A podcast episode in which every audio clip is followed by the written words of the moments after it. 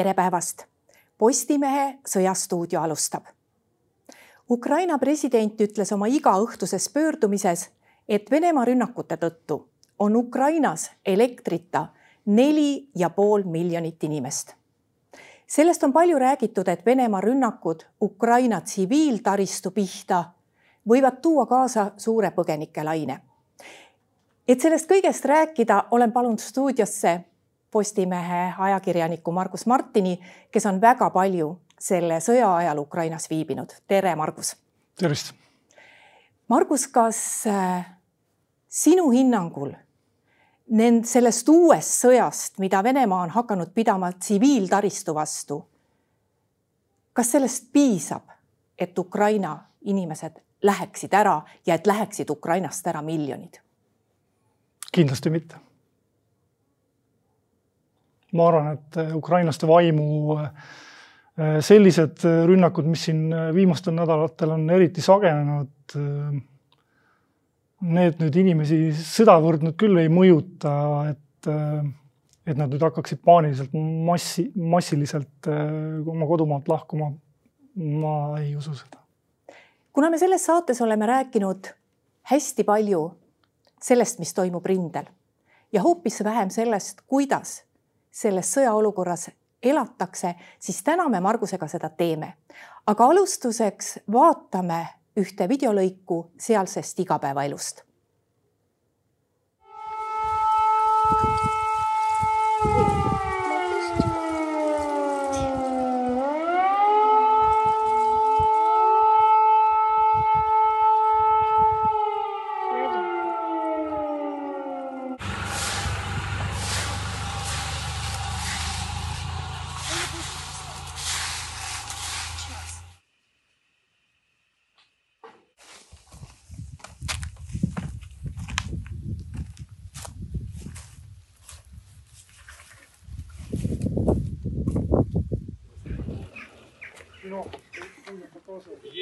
мне, иди ко, иди ко мне сюда.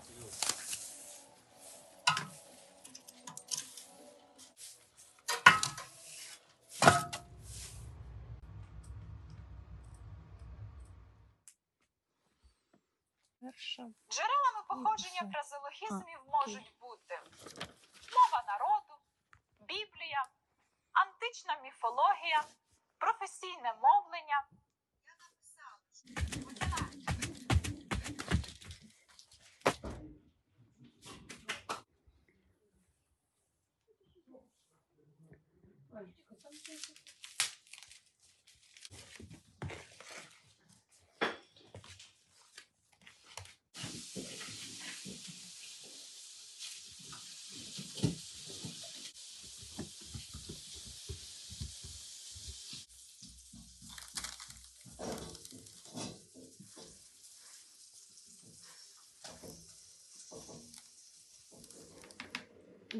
Бублики варю.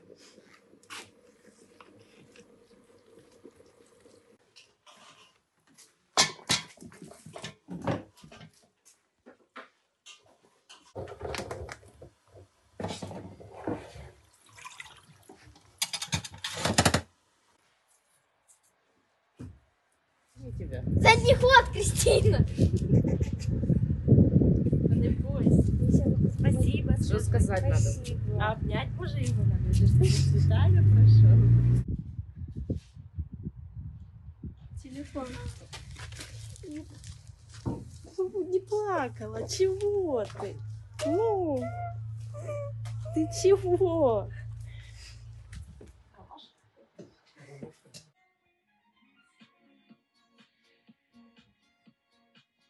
С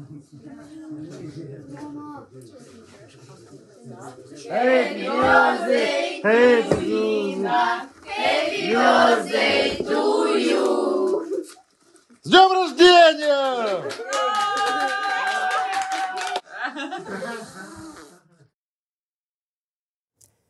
kui katastroof kestab ühe või kaks päeva või nädala, siis inimesed panevad oma elu pausile ja ootavad, et see läbi saab. kui see kõik kestab peaaegu aasta, siis inimesed hakkavad elama oma igapäevaelu. me nägime selles videos praegu seda, kuidas elatakse igapäevaelu, kuidas see võimalik on? see on võimalik, kui asjad enda jaoks ja, ja oma pere jaoks nagu hästi selgelt läbi mõelda. me selles videos nägime ka, kuidas ühel, üheks hetkeks, kuidas toimusid koolitunnid ja kuidas oli seal ka kehalise kasvatuse tund. kuidas selle koolis käimisega praegu seal üleüldse on? et praegu on ju kooliaasta alanud juba tükk aega tagasi kui palju neil on võimalik, kui palju neil on võimalik äh, kooli minna ja kas me, kas see, mida me seal nägime, oli see nii-öelda kaugõpe?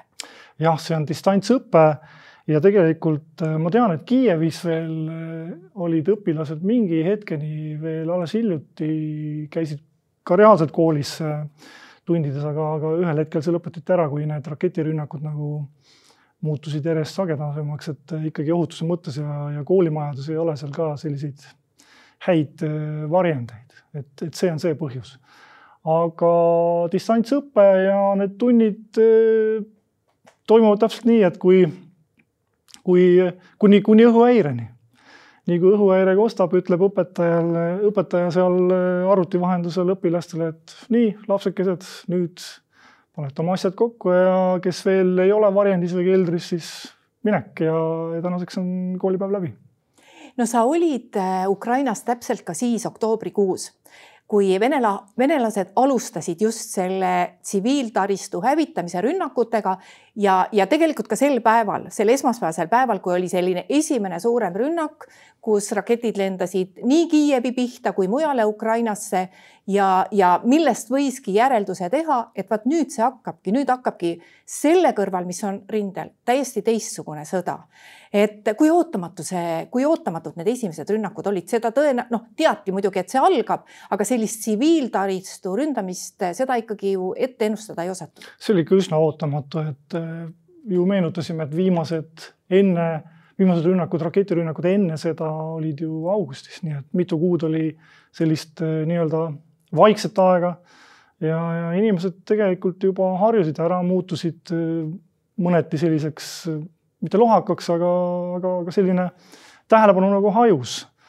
et äh, selles suhtes oli see ikkagi päris, päris ootamatu, jah nüüd ollakse selleks ilmselt valmis, kuigi sellele esimesele suurele rünnakule nädalapäevad hiljem järgnes teine peaaegu sama suur, aga vaata need edaspidised nüüd enam nii hullud ei ole, mis ei tähenda seda, et see taristu oleks nüüd rahule jäetud. No nendest ei ole lihtsalt nii palju juttu tehtud, et eks see esimene suurem äh, raketirünnaku ja, ja droonide rünnaku laine nagu ehmatas kõiki ja, ja oli juttu rohkem, aga tegelikult on need rünnakud ju igapäevased, et äh, ma olen küll enda telefonis välja lülitanud selle Trioga rakenduse, mis annab siis erinevates piirkondades üle Ukraina neid teavitusi õhuhäirest ja, ja rünnakutest, aga tegelikult ma arvan, et kui ma seda sisse lülitaksin, siis, siis see mul piiksuks siin vist ka igapäevaselt. vot kuidas see siis on, et inimene saab äh, võimalikust rünnakust missugusel ajahetkel teada ja, ja kui palju tal on siis aega varjumiseks?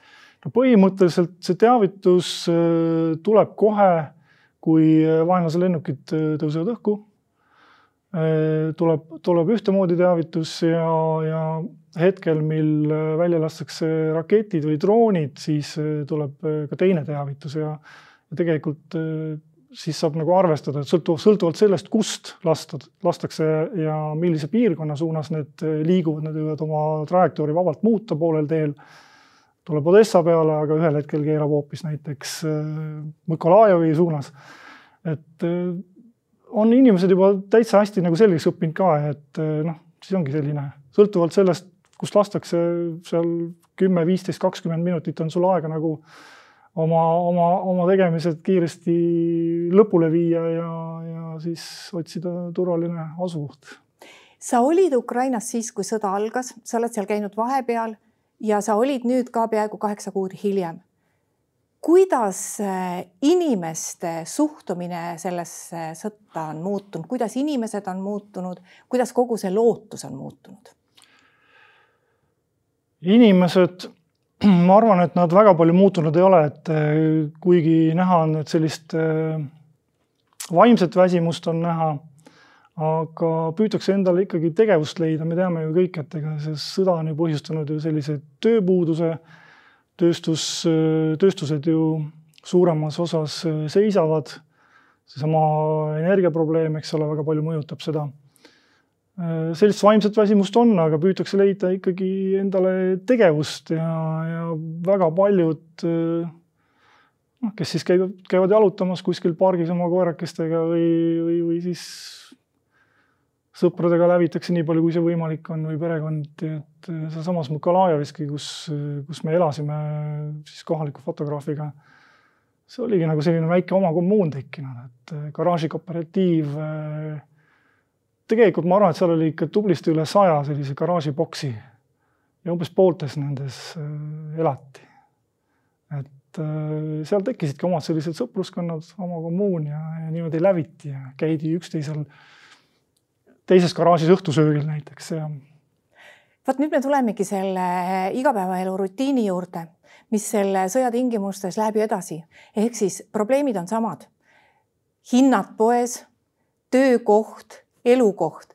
kui me sellest elukohast räägime, siis kuidas, kuidas selle elukoha eest tasustamisega on, sest ega siis Ukrainas ei ole sõja tõttu ju kadunud probleem ja see ei kao mitte kuskile, et kui ma oma korteris enam elada ei saa, sest see on katki, seal ei ole võimalik olla, siis ma pean võtma mingisuguse teise koha, aga seda ei saa ju lihtsalt võtta.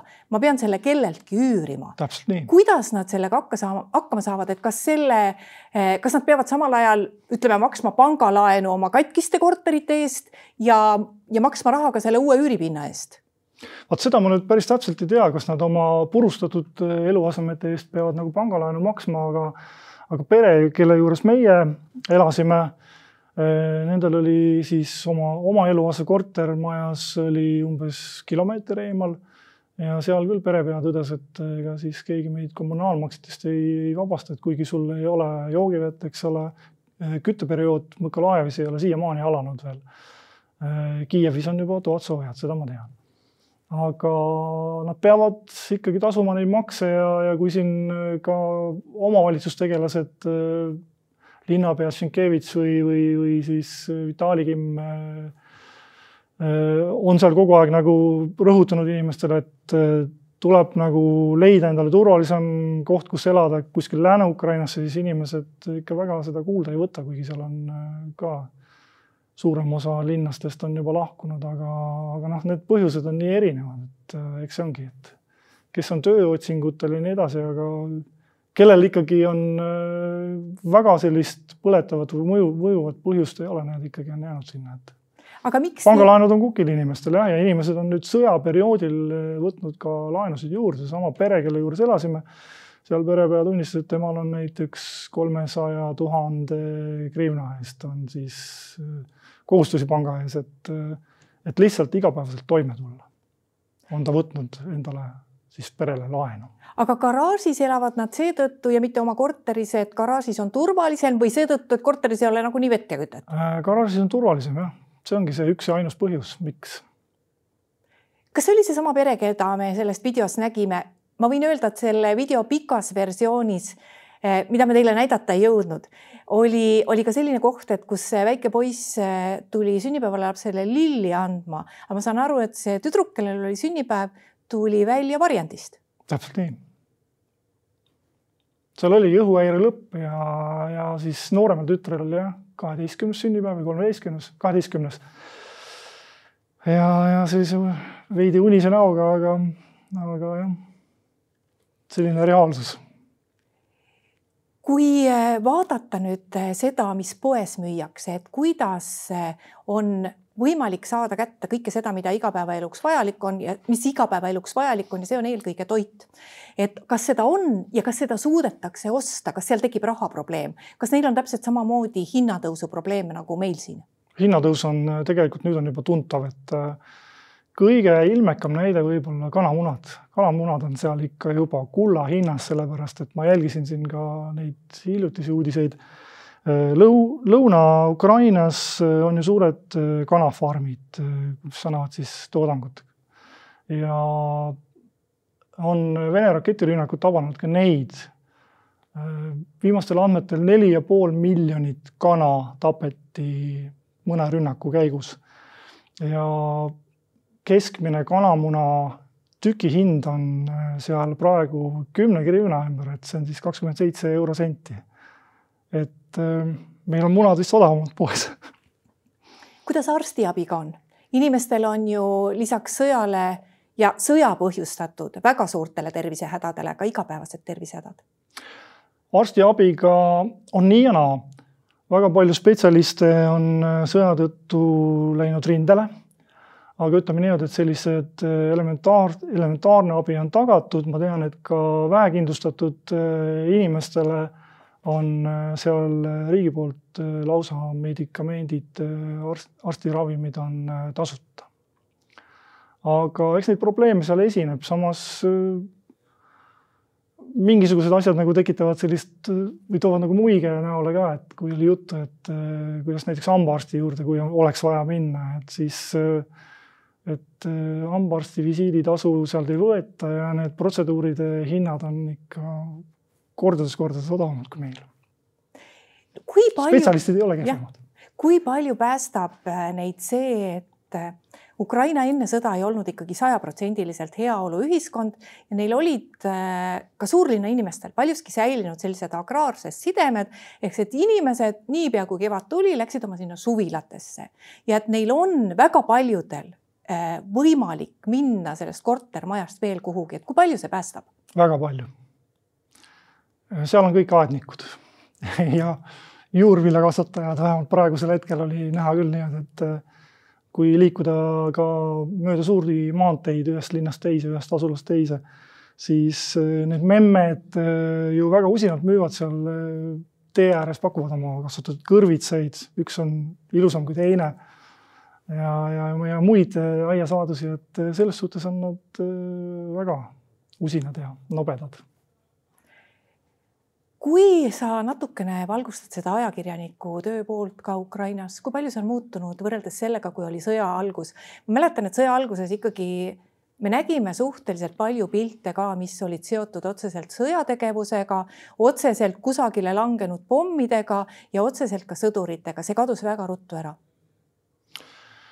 jah, et äh, siin Postimehe fototoimetuse juhi Erik Proosasega ju sai ka arutatud mingil hetkel, et äh, et äh, kui sõja alguses me ju äh, tekkis diskussioon või, või selline arutelu, et kas, kas hukkunutest nagu pilte avaldada, siis see tundus kuidagi väga selline nagu vale, aga täna, kui me vaatame suvalisi meediaväljaandeid, äh, ükskõik, isegi Postimehes on ju need hukkunutest või, või, või nagu Jaanus Piirsalu tegi Dmitri Kotjuhhiga väga hea reportaaži ja, ja, ja selline, oli selline järjelugu, et ühe tüdruku, hukkunud tüdruku kodumajas, kes surma sai pommitabamuse läbi matustest, et täna on need pildid on kuidagi nagu enam ei riiva nii silma, et see ongi sõda ja ma ise leian ka, et sõjas on hukkunud, neid tuleb näidata ka. ma tahaks ühe igapäevaelu detaili, mis meil siin taustal pildis hästi palju näha on, veel tuua meie vaatajateni, sest võib-olla need, kes on sinu lugusid lugenud, need saavad ilmselt aru, mis asjaga tegemist on. aga meil siin voolab äh, piltide peal üks hollus, et äh, see, räägi ära, mis asi see on, see on, sinu loost tuleb välja, et äh, kusagil voolas tänavale väga palju õli. jah, see oli Mõkalaeves ühe, ühe raketirünnaku järgselt toiduõli mahutid said äh, tabamuse ja, ja voolas seal linnatänavatel siis kolmkümmend tonni umbes toiduõli, täiesti kvaliteetne, korralik. ma ei mäleta, mis riigifirma või ettevõte seal toimetas, võin eksida, ei hakka valetama praegu aga, aga jah, inimesed seal asusid usinasti seda korjama ja koristama ja käidi ämbrite ja, ja anumatega, nii et palju sealt kätte saadi, ma ei tea, seda ma enam ei uurinud. Margus, äh, igas sõjas on neid, kes kasutavad sõda ära. et äh, ei maksa arvata, et Ukraina sõjas ei ole neid, kes kasutavad olukorda ära. et kuidas on seal näiteks humanitaarabiga, kas kõik jõuab kohale, kas kõik jõuab sinna kohale, kus ta jõudma peaks? kui palju on kahtlusi ja palju on ka fakte, et vahepeal lõikab keegi midagi ära? On nii kahtlusi kui ka on fakte, et tegelikult ega see kõik see humanitaarabi, mis äh, teele pannakse erinevatest riikidest, äh, tuleb vist nentida kahjuga, et ka Eestist ikka tegelikult ei jõua sinna kohale, et äh, jõuab kohale see, mis on väga hästi korraldatud, kellel on otsekontaktid. meil on siin üsna mitu sellist mittetulundusühingut eesotsas Slava Ukrainiga, kellel on omad kindlad partnerid Ukrainas ja, ja, ja kes siis seda, sedamoodi nagu toimetavad oma asju.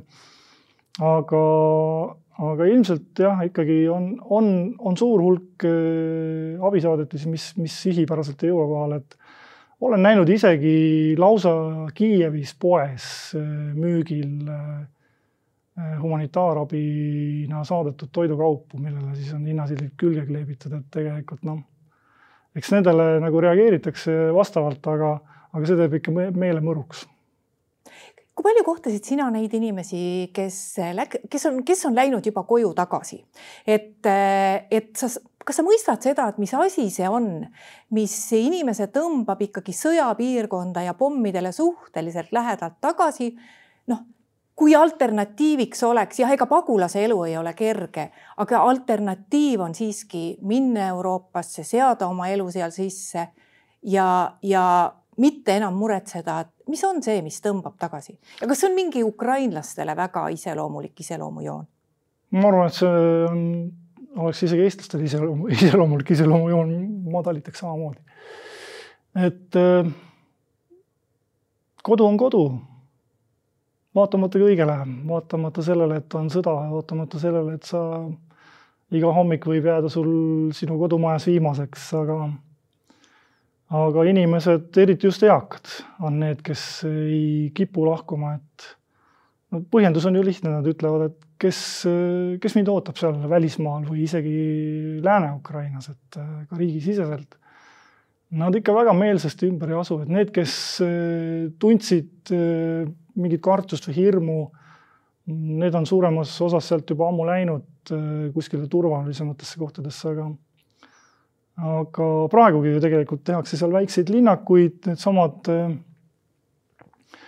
siis ägedamatest sõjapiirkondadest evakueeritud inimestele, et äh, sedasama pilti ma nägin ka ju tegelikult jaanuaris äh, Harkivis, kus oli ka selline konteineritest moodullinnak tehtud sakslaste abiga. Ja seal elasid siis sõjapõgenikud, kes olid nende eelnevate aastate jooksul siis Donbassist ära evakueeritud, et. ja seal elu midagi roosilist ei ole, ma saan nendest inimestest väga hästi aru, kes, kes, kes ei taha mujale minna ja vaatamata kõigile ikkagi püsivad oma kodus me läheme nüüd telepildis jälle korraks tagasi Ukrainasse ja vaatame veel, kuidas see igapäevaelu seal käib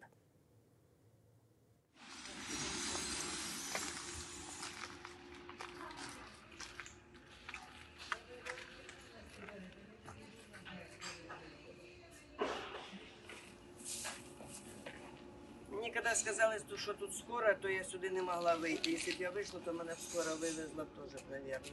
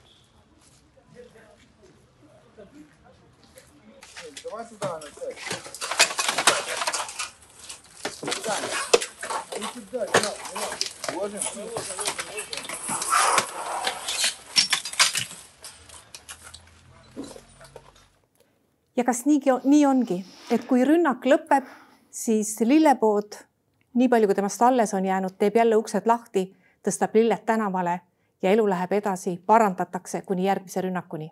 täpselt nii ongi. aitäh, Margus. Ja aitäh kõigile neile, kes meid vaatasid. nii palju veel, et Postimehe järgmine otsesaade on nüüd eetris juba esmaspäeval. seniks lugege uudiseid postimees.ee